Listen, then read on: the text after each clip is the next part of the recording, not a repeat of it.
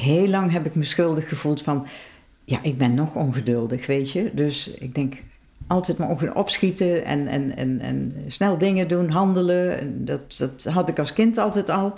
En toen dacht ik, had ik, had ik maar gewacht tot hij zijn boterham op had. Vergeten doe ik niet, maar vergeven wel. En hij heeft lang gespeeld hoor. Ik ook, ik zat op de Mulo. Ik wilde geen Duits leren. Had ik ook nooit mijn huiswerk niet af. Dat gebrek aan die erkenning voor dat leed. En met zo'n term als vergissing. Alleen al te zeggen van dat het eh, nooit de bedoeling is geweest om de Nederlandse burgers zo te raken, die Nijmegenaren zo te raken. Eh, ik denk dat dat al heel mooi zou zijn. Op 22 februari 1944, midden in de Tweede Wereldoorlog, om iets voor half twee, vallen er meer dan 200 Amerikaanse bommen op Nijmegen. In één klap wordt het historisch centrum van de stad grotendeels weggevaagd. Er vallen bijna 800 doden en heel veel mensen raken hun huis kwijt. Voor de inwoners van de stad is dit een gebeurtenis die ze nooit meer zullen vergeten. Na de 22e is hun leven voor altijd verdeeld in een tijd voor het bombardement en een tijd na het bombardement. In deze podcast volgen we Adi, Ria, Frans en Hanny. Allemaal maakten ze als kind het bombardement mee. Adi was vijf jaar, Ria zeven, Frans 13 en Hanny was 14 jaar oud. In de vorige afleveringen hoorden we hoe het hen verliep op die fatale middag in februari. In deze derde en laatste aflevering onderzoeken we hoe het in de dagen, maanden en jaren na het bombardement met hen gaat. En er is nog iets wat we willen weten. In aflevering 2 hoorden we wat er na het bombardement allemaal misging in de stad. Mensen werden overrompeld doordat net het sein veilig was gegeven. Er was geen communicatie doordat de hoofdtelefoniste was gedood en hulp kwam daardoor maar langzaam op gang. De hoofdwaterleiding was geraakt en blussen was een tijd lang onmogelijk. Dat ging er mis op de grond. Maar wat ging er mis in de lucht? Waarom werd een Nederlandse stad gebombardeerd door de Amerikanen, onze vrienden? Was het een vergissing, zoals het bombardement zo vaak wordt genoemd? Zagen de jonge Amerikaanse vliegers Nijmegen aan voor de Duitse stad Kleef? Of steekt de waarheid toch iets ingewikkelder in elkaar?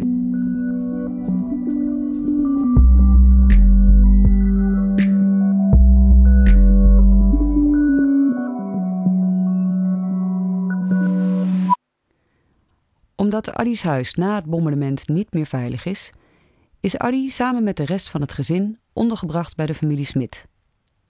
Hier komen ze erachter dat Jopie, haar kleine broertje waar ze altijd voor zorgde, het bombardement niet heeft overleefd. Ik was nogal s'nachts onrustig geweest en maar huilen en, en uh, ik moet weer plassen en, en ik huilen en waar is Jopie nou? En toen hebben ze een arts gewaarschuwd en uh, ja, misschien kunnen ze mij een beetje rustiger maken. En toen zei hij tegen mij, als je niet ophoudt met huilen, dan neem ik je mee naar het ziekenhuis. En toen ben ik zomaar meteen gestopt. Ik dacht, oh, ik ben thuis en ik wil thuis blijven hè, bij, bij mijn ouders en de kinderen. Dus toen ben ik gestopt met huilen.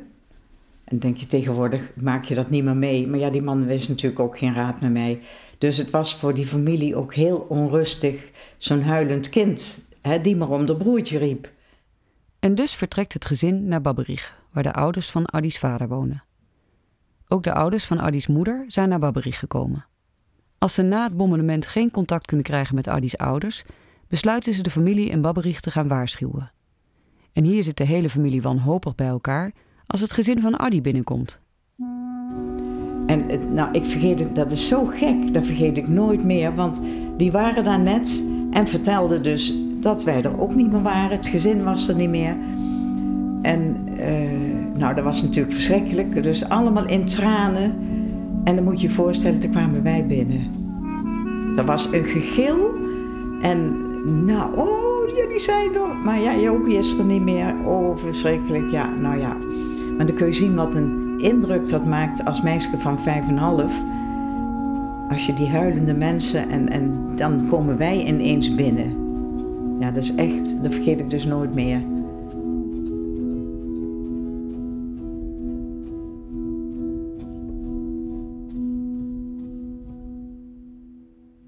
Na de emotionele ontmoeting in Babberich reist het gezin door naar Weel in de Achterhoek, naar de zus van Addi's vader. Hier vinden ze eindelijk een beetje rust. En daar zijn we een tijdje geweest. Want je hadden ook een stel kinderen, maar oké, die hadden een groter huis en dat ging allemaal wel. Ria van slagerij Martins woont intussen samen met opa en haar ouders bij oma Arnold op de Ubbergse Veldweg, aan de rand van Nijmegen. Haar vader en moeder vertrekken elke ochtend vroeg naar de slagerij in het centrum van de stad, om deze zo goed en zo kwaad als het gaat weer een beetje op te bouwen. Ook zijn ze veel bij Henny in het ziekenhuis. Ria's oudere broer raakte door een clusterbom zwaar gewond aan zijn been. Na drie maanden in het ziekenhuis mag hij eindelijk weer naar huis.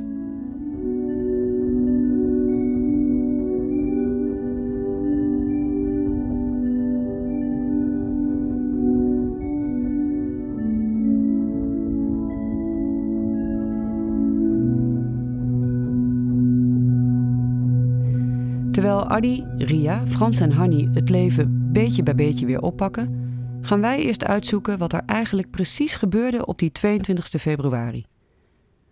Wat ging er mis in de lucht? Wisten de Amerikaanse vliegers dat ze Nijmegen bombardeerden? Of was er sprake van een vergissing? Historicus Joost Roosendaal van de Radboud Universiteit is duidelijk. Het was geen vergissingsbombardement.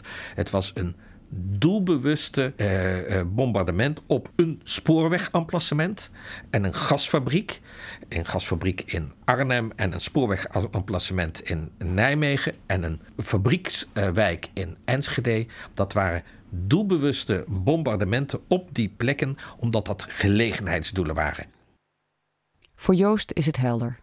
Het was geen vergissingsbombardement, maar een doelbewust bombardement op onder andere het spoorwegemplacement van Nijmegen. Maar hoe weet Joost zo zeker dat het op 22 februari om een gelegenheidsbombardement ging en niet om een vergissing? Voordat we daarop ingaan, moeten we eerst even uitleggen wat gelegenheidsdoelen zijn. Het bombarderen van de vijand, zoals de Amerikanen en Engelsen dat deden, was erg riskant en bovendien duur. Vaak haalden de vliegtuigen niet eens het doel dat ze wilden bombarderen. In dat geval konden ze ervoor kiezen om andere doelen uit te zoeken en zo de vijand alsnog te raken. Dit zijn de gelegenheidsbombardementen waar Joost het over heeft. Wat wel en niet als gelegenheidsdoel gebombardeerd mocht worden, moet in de briefing voor de vlucht besproken worden.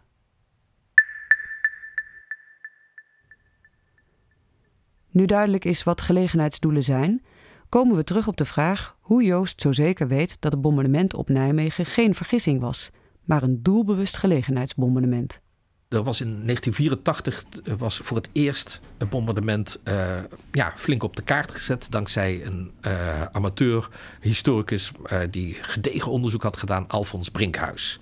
En die had daar echt veel onderzoek gedaan. Had heel veel kopieën van allerlei stukken uit Amerika, uit archieven gehaald. En die waren allemaal naar Nederland gekomen. En die had daar een boek over geschreven en dat had voor het eerst dat bombardement weer uh, in de schijnwerper gezet. In 2006 start Joost voor de Radboud Universiteit een onderzoek naar hoe er na de oorlog met de bombardementen op Nijmegen is omgegaan. Hiervoor krijgt hij toegang tot de papieren van Alfons Brinkhuis. Hiertussen vindt Joost ook een heleboel debriefingsrapporten die de vliegeniers na terugkeer in Engeland hebben moeten invullen. In deze rapporten geven ze onder andere aan hoeveel bommen er zijn afgeworpen en hoeveel er mee terug naar de basis zijn gekomen. Maar ze moesten ook vertellen, waar zijn ze dan gebleven als je ze gedropt hebt? Nou, en dan krijg je dus de verklaringen van uh, de Marshalling Yards, de, het spoorwegemplacement in Nijmegen, een uh, gas factory, uh, we hit the town. nou, allerlei verklaringen die er dan komen van de doelen die ze geraakt hebben. En daarbij wordt door de meesten ook gezegd: ehm, nou, het was Arnhem of het was Nijmegen. Afhankelijk van het eskader waar je uh, in zat. En geen enkel uh, uh, document, geen enkele verklaring van die rapporten wordt ergens maar gezegd dat zij Kleef of Gogh eigenlijk hadden willen bombarderen. We thought it was Kleve, but it actually it was Nijmegen nergens. Uit de debriefingformulieren die Joost inziet, blijkt dus duidelijk dat de Amerikanen bij terugkeer op de basis in Engeland wisten dat ze Nijmegen en Arnhem met hun bommen hadden geraakt. En niet Kleef en Gogh. Het lijkt dan ook vreemd om van een vergissingsbombardement te spreken. En dat vond Alfons Brinkhuis blijkbaar ook. Ja, in uh, de titel van zijn boek kwam ook het woord vergissing voor. Ik heb hem, uh, hij is overleden, maar ik heb hem nog gesproken en die zei van ja, uh, in de titel staat het woord vergissing. Ja, dat wilde de uitgever, maar ik was daar helemaal op tegen. Ik vond niet dat dat een terechte term was. Dus hij wilde, dat, hij wilde die term ook niet gebruiken.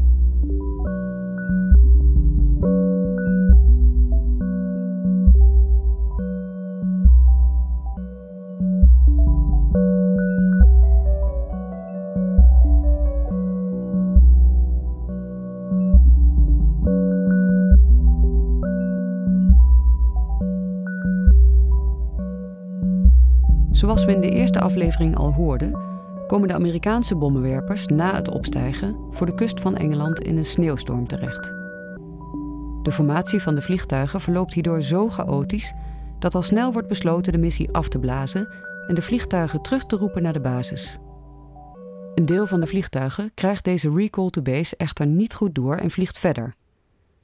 Pas als ze al 60 kilometer het Duitse luchtruim zijn binnengedrongen, geeft de bevelvoerend officier, William Smith, het bevel om te keren. Maar om een formatie van honderden vliegtuigen in de lucht om te laten draaien, dat is een hele operatie. Ja, de vliegtuigen waren de Duitse grens gepasseerd. Nou ja, dat wisten ze eigenlijk nauwelijks. Want vanuit de lucht kun je helemaal niet zien waar de grens tussen Nederland en Duitsland was. En zeker uh, toen Nederland bezet was, ja, uh, werd daar ook weinig door de Duitsers weinig onderscheid in gemaakt. En die vliegtuigen zijn dan boven Duitsland en dan zijn ze aan het draaien. En dat geeft een enorm geharrewar. Denk daar aan honderden vliegtuigen. En dat zijn geen kleine jongens. Dat zijn echt gigantische vliegtuigen die daar moeten draaien en keren. En ja, moeten zorgen dat ze niet met elkaar in botsing komen. Dat geeft een enorm geharrewar in die lucht.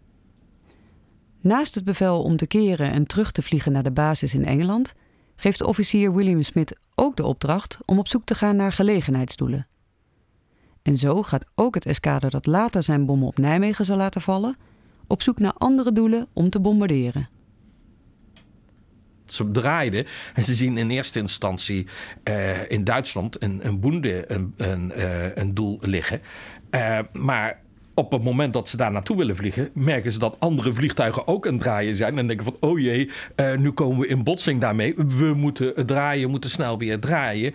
En die maken in de lucht een aantal draaiingen, een aantal keren dat ze ja, bochten moeten maken.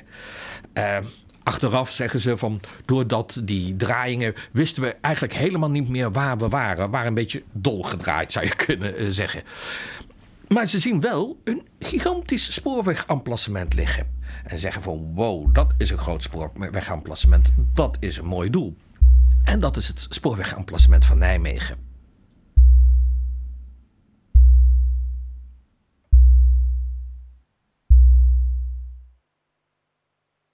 De drie belangrijkste gelegenheidsdoelen die op dat moment in de oorlog gebombardeerd mogen worden, zijn fabriekswijken, energieinstallaties en de spoorwegen of spoorwegamplacementen. Vanuit de lucht ziet het grote spoorwegamplacement van Nijmegen eruit als een geweldig gelegenheidsdoel. Het Duitse leger gebruikt de spoorwegen om hun troepen te bevoorraden. Dus lukt het je om een groot spoorwegemplacement uit te schakelen, dan hinder je daarmee de Duitse bevoorrading. En dat maakt het Nijmeegse spoorwegamplacement zo'n goed gelegenheidsdoel. Zo goed dat ze besluiten te bombarderen.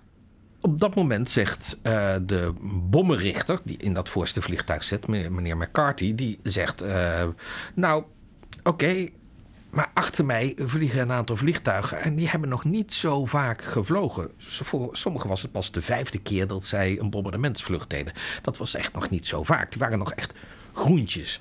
En hij dacht van nou, ik moet het doel markeren in de lucht. Dat doen ze door een flare, door een rookpluim als richtpunt uh, neer te zetten.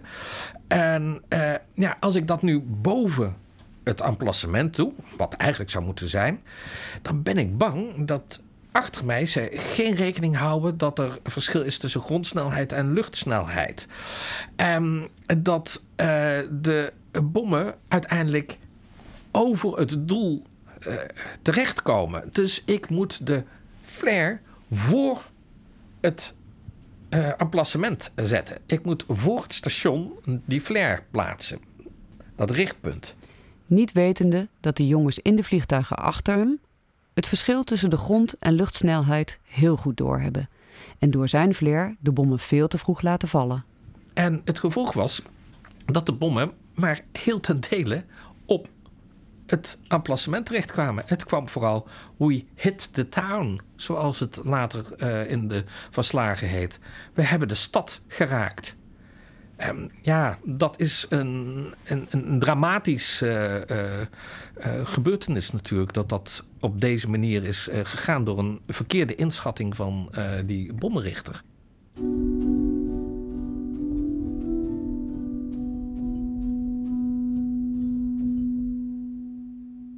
Het begint er steeds meer op te lijken dat de fatale afloop van de missie naar de vliegtuigfabriek in Gotha op 22 februari 1944 aan elkaar hangt van toevalligheden en menselijke fouten. De weersomstandigheden voor de Engelse kust, een recall to base die niet goed doorkomt, de chaos die ontstaat in de lucht als honderden vliegtuigen tegelijkertijd willen draaien, de inschattingsfout van de bommenrichter. En de ramp is nog schrijnender om een andere reden. Het spoorwegemplacement had helemaal niet gebombardeerd mogen worden, zelfs niet als gelegenheidsdoel. De Nederlandse regering in ballingschap had namelijk eerst toestemming moeten geven. In 1943, na het bombardement op Enschede, waren hierover speciale afspraken gemaakt met de geallieerden. Bij de briefing, ochtends voordat de vliegtuigen vertrekken, moet verteld worden: als je een enemy coast bereikt hebt, dan krijgen we eerst een stukje bezet Nederland. Daar mag je niet zomaar bombarderen. Pas voorbij de Duitse grens mag je bombardementen uitvoeren. Die ochtend, op de 22e, de, de, degene die de briefing had gedaan, heeft dat niet gezegd. Voor de, uh, ja, mogelijk dat hij het dacht van ja, dat heb ik die andere keren al gedaan. Uh, in ieder geval, de, de vliegers hadden dat niet tussen hun oren zitten dat uh, ze in Nederlandse doelen niet zomaar klakkeloos mochten bombarderen. Ook al waren het gelegenheidsdoelen. Daarvoor moest eerst toestemming gegeven worden. Dat is iets wat ze zich later realiseerden. Ze zaten daar enorm fout.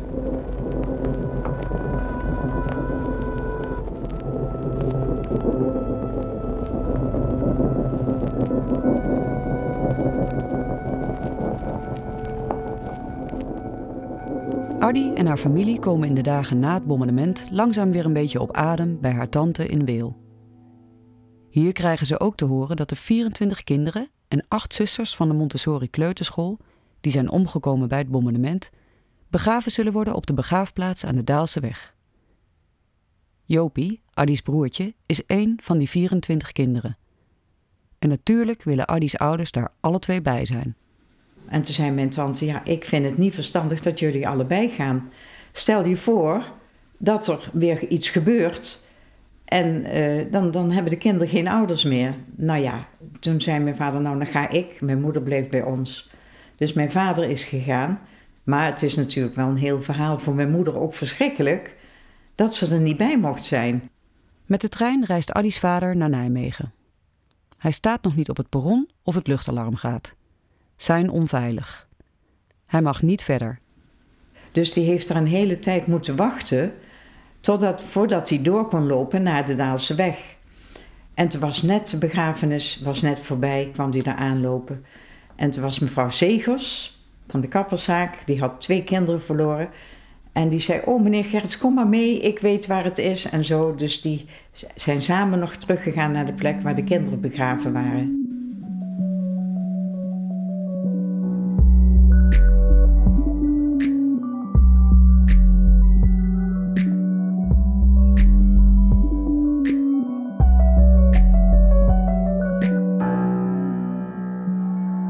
Nijmegen is bekomen van de eerste chaos en paniek, begint het puinruimen. Frans kan zich nog wel herinneren hoe de stad eruit zag in de eerste weken na het bombardement. Totaal kaal. Als je de Molenstraat afliep, dan kwam je op de hoek van de, van de Zeigelbaan, heette dat toen. Dan keek je helemaal naar de Waag. Alles was weg. Dus het was allemaal het was een grote rotzooi. Het is gewoon één grote puinhoop was het. En dat puin moet opgeruimd worden. Maar er waren nauwelijks mensen die konden helpen. En we hadden geen tegenwoordig bulldozers. Ja, niet. Die bestonden niet. Die, die, ook dat kun je weer niet begrijpen. Maar met de hand. We hadden geen mannen. Dus al die oude kereltjes, zoals mijn vader, oude kereltje, in mijn ogen dan, die moesten allemaal van hun werk af, die moesten puin ruimen. He? Want jongeren ga je niet. Toch zet Nijmegen eensgezinds de schouders eronder. En zes maanden na het bombardement is het meeste puin al geruimd. Maar het opnieuw opbouwen van de binnenstad moet nog even wachten. Door de oorlog is er een bouwstop. Alle bouwmaterialen zijn nodig voor het bouwen van Duitse bunkers. Bovendien barst krap een maand later operatie Market Garden los. Ruim zeven maanden ligt Nijmegen in de frontlinie, met nog veel meer doden, gewonden en verwoesting tot gevolg. Totaal zijn er meer dan 2000 burgerslachtoffers in Nijmegen. Uh, ja, dat is 2% van de Nijmeegse bevolking in die tijd. Er is bijna geen Nijmegenaar uit die tijd die niet een familielid heeft uh, of een kennis die tijdens een bombardement is uh, omgekomen of in de septemberdagen iemand heeft verloren en de maanden daarna.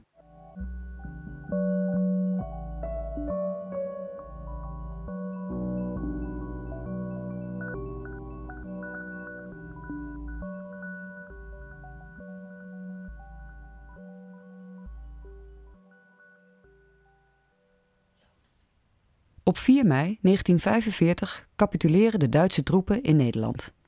En de dag daarna, 5 mei, is de bevrijding officieel een feit. Nederland viert feest. Nijmegen ook. Dagenlang wordt er gedanst op straat. Maar al vrij snel dringt ook de realiteit weer tot de mensen door. Alles ligt in puin en moet weer worden opgebouwd. Je moest werken. Er moest opgebouwd worden. Dat werd dus ook door de nieuwe regering gezegd. Er moet opgebouwd worden, er moet gewerkt worden. Het leven gaat door. Als, als alles in puin is en dat de mensen zo hard hebben moeten werken of moeten knokken. Het was niks. Er was echt niks. Je kon uh, alles op de bol. Dat, uh, en niemand stond daarbij stil. Die vonden dat heel gewoon hoor. Dat was niet van, nee, helemaal niet. Dat kwam later pas. Maar toen ze gingen herdenken, toen kwam dat allemaal veel meer naar voren. Ook het gezin van Addy moet na de bevrijding weer vanaf nul starten.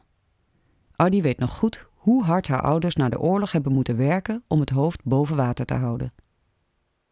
Kijk, uh, wij kwamen op de Groene Straat te wonen. We waren alles kwijt. Hè? Dus ze kregen dan ook wel, ik denk van een of andere schadeverzekering hebben ze wel hulp gehad. Maar ik bedoel, uh, er was toen ook nog geen sociale dienst. Hè? En mensen die zelfstandig waren, waren eigenlijk ook niet zo best verzekerd. Vooral bij kleine zelfstandigen. Hè? Van, och, we zijn gezond, ons gebeurt ons niks. Hè? Dus ja, dat is dus heel anders. Dus die hebben in het begin eigenlijk best wel op een houtje moeten bijten. En dat weet ik eigenlijk ook. Maar ja, mijn moeder was eigenlijk ook heel positief. En uh, wist van, van twee eieren, wist ze eigenlijk uh, zoveel te maken dat we allemaal een boterham met ei kregen. Weet je, zo'n zo omelet of weet ik wat ze ermee deed. Hè? Maar in ieder geval, ja, ze moesten ook door. We moeten door. Zo is het voor de meeste Nijmegenaren. Duizenden gezinnen zijn hun huis en al hun bezittingen kwijtgeraakt. Er is gebrek aan alles. Gelukkig krijgt Nijmegen hulp van alle kanten. Vanuit Amerika kwam er ook hulp. Um, uh, Albany, een stad in Amerika, de hoofdstad van de staat New York. Uh, daar zeiden ze um, uh, van wij moeten Nijmegen helpen. En daar gingen ze een hulpprogramma organiseren. Er kwam hulp ook weer met kleren, met meubels voor de Nijmegenaren, zodat die bijgestaan konden worden. Toch komt de wederopbouw van de stad maar traag op gang. En dat komt niet op de laatste plaats omdat er in Den Haag maar weinig geld wordt vrijgemaakt voor Nijmegen. Dat heeft er alles mee te maken dat de puin van de oorlog al vrij snel was opgeruimd, waardoor de verwoesting van Nijmegen een stuk minder zichtbaar was.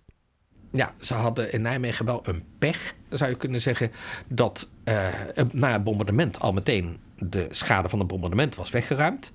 En vanaf september 44, de verwoestingen in het oostelijk stadscentrum, die huizen die stonden niet meer als karkas. Dat werd allemaal netjes gesloopt door de Canadezen die hier gelegerd waren. Ja, die militairen die hadden uh, een tijdje niks te doen en die moesten ook wat uh, doen. Dus die gingen puin ruimen. En die zorgden dat het er in Nijmegen allemaal mooi vlak uitzag. En uh, ja, toen er in mei 45, uh, toen dat de aandacht uh, kwam van ja, de verwoestingen, wat is er gebeurd? Ja, als je dan door een, een stad komt waar de straten gewoon grote vlaktes is, ja, dan ja, dat heeft minder een dramatisch effect als dat je in bijvoorbeeld Arnhem komt, waar karkassen van huizen staan. In Arnhem is in april 1945 nog flink gevochten. Veel huizen zijn afgebrand en in de maanden na de bevrijding lijkt de stad wel een spookstad. Arnhem weet zich daardoor veel beter te verkopen als stad die zwaar getroffen is. Met als resultaat dat er voor Nijmegen, relatief gezien, veel minder wederopbouwgelden vrijkomen. Het duurt dan ook nog tientallen jaren voordat het stadscentrum weer enigszins is hersteld. Dik twintig jaar lang, tot in de jaren zestig, is het centrum een kale vlakte, waar je overal je auto kan parkeren. Wij kregen later in 63 hebben wij een auto gekregen, gekocht.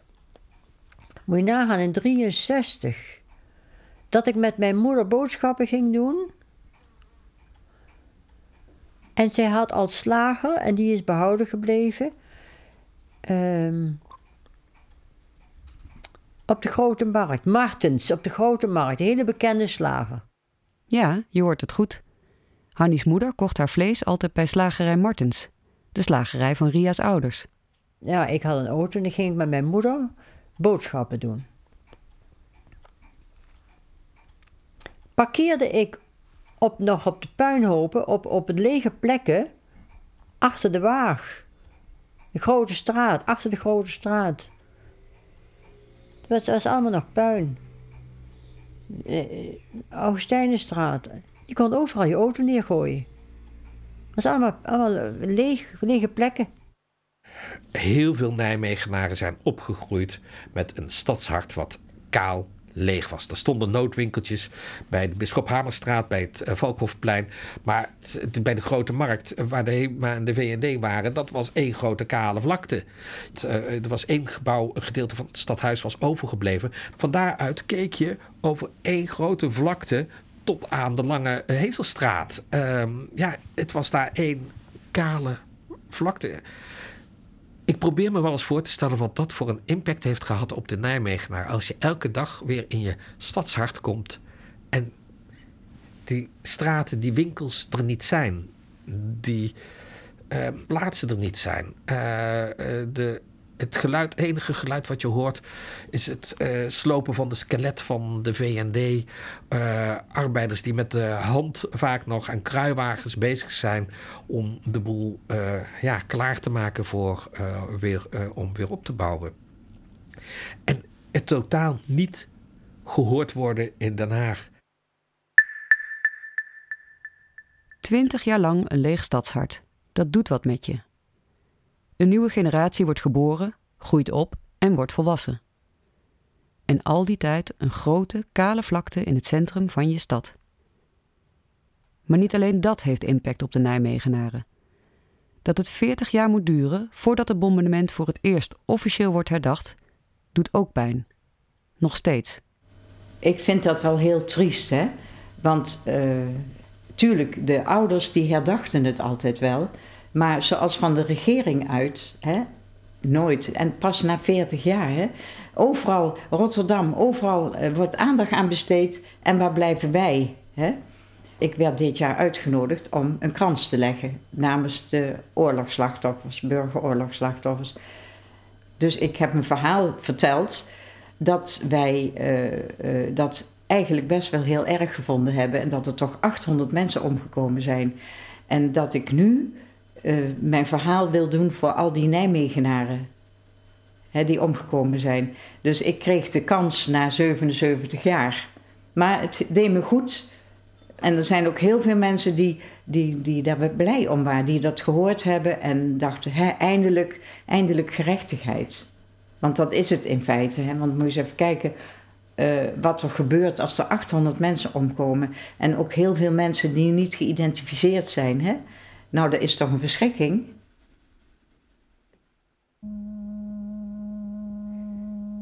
Adi, Ria, Frans en Hanny. Allemaal maakten ze het bombardement mee. Intussen zijn ze ver in de 80 en zelfs begin 90. Toch zou je ze die jaren niet geven, zo vief als ze nog zijn. Het lijkt wel alsof het meemaken van een bombardement hen juist kracht en levenslust heeft gegeven. De kracht om positief in het leven te staan. Maar als je lang met ze praat, voel je het verdriet onder hun verhalen. Tot op de dag van vandaag voelt Adi zich schuldig dat ze Jopie heeft achtergelaten in het klaslokaal. Omdat zij zo graag het kralensnoer aan haar vriendinnen wilde laten zien. Heel lang heb ik me schuldig gevoeld van... Ja, ik ben nog ongeduldig, weet je. Dus ik denk, altijd maar opschieten en, en, en, en snel dingen doen, handelen. Dat, dat had ik als kind altijd al.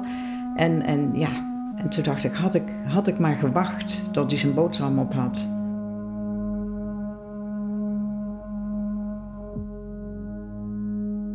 Ja, ik geloof dat ik in de veertig was, dat ik overspannen was. Veet gek.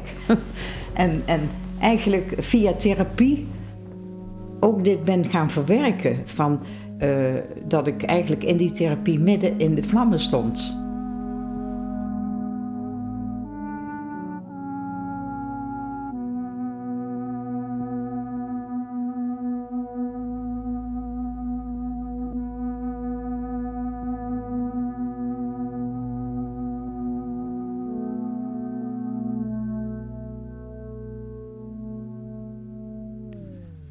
Meer dan 50 jaar na het bombardement in 2000 komt er eindelijk een monument op de plek waar vroeger de Montessori kleuterschool stond. En dan dringt ook bij Ria eindelijk door wat ze allemaal heeft meegemaakt. Ik vertel dat verhaal van dat er 24 kindjes uh, uh,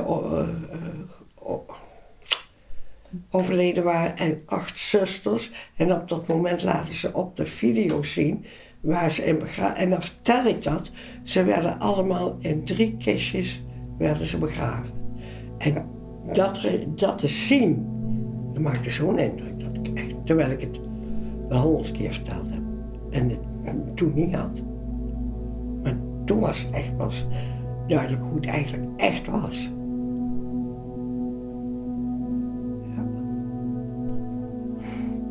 Ja, ja de, tranen die me over de wangen. Die emotie had ik nog nooit zo gehad. Ik had het nog nooit zo bij elkaar, maar wel het verhaal. En, maar niet het dan zien waar dan die kinderen eigenlijk allemaal en met zoveel, daar was het enige wat er over was, die drie kistjes. En het zijn dan toch eigenlijk 32 mensen. Ja. ja. Maar toen kwam het los. En toen brak eigenlijk, uh, wat ik eigenlijk misschien al die jaren een beetje aan de kant geschoven heb. Echt, dat je echt gewaar werd van. En dat ik ook uh, echt allemaal vriendjes en vriendinnetjes kwijt was.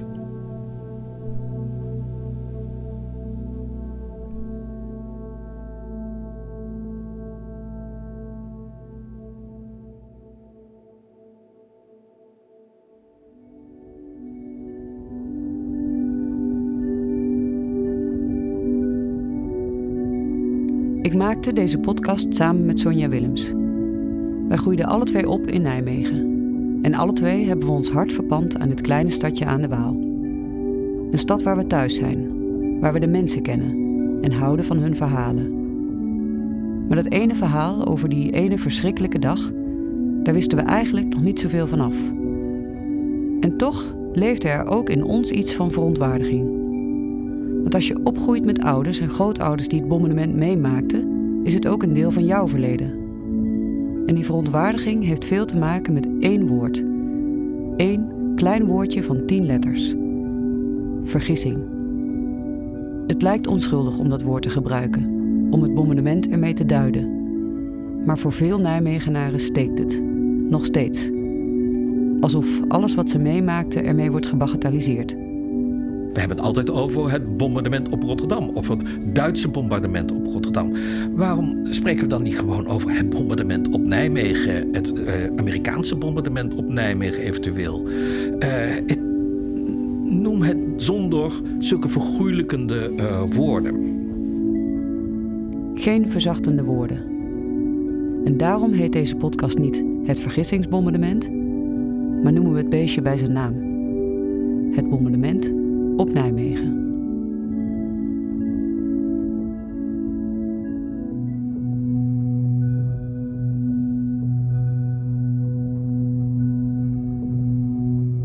Het bombardement op Nijmegen is een podcast van mij, Annegie de Winter, en Sonja Willems. Sonja schreef het script en deed de montage. Mixage en sounddesign Thijs Jacobs. Dramaturgie Patrick Feijen. Met grote dank aan Adi Gerrits Hendricks, Ria Roosendaal Martens, Frans Verheijen, Hanni Schoonwaterschel, Joost Roosendaal.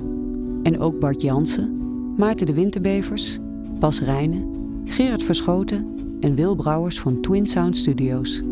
Dennis Gaans danken wij voor de toffe begeleiding.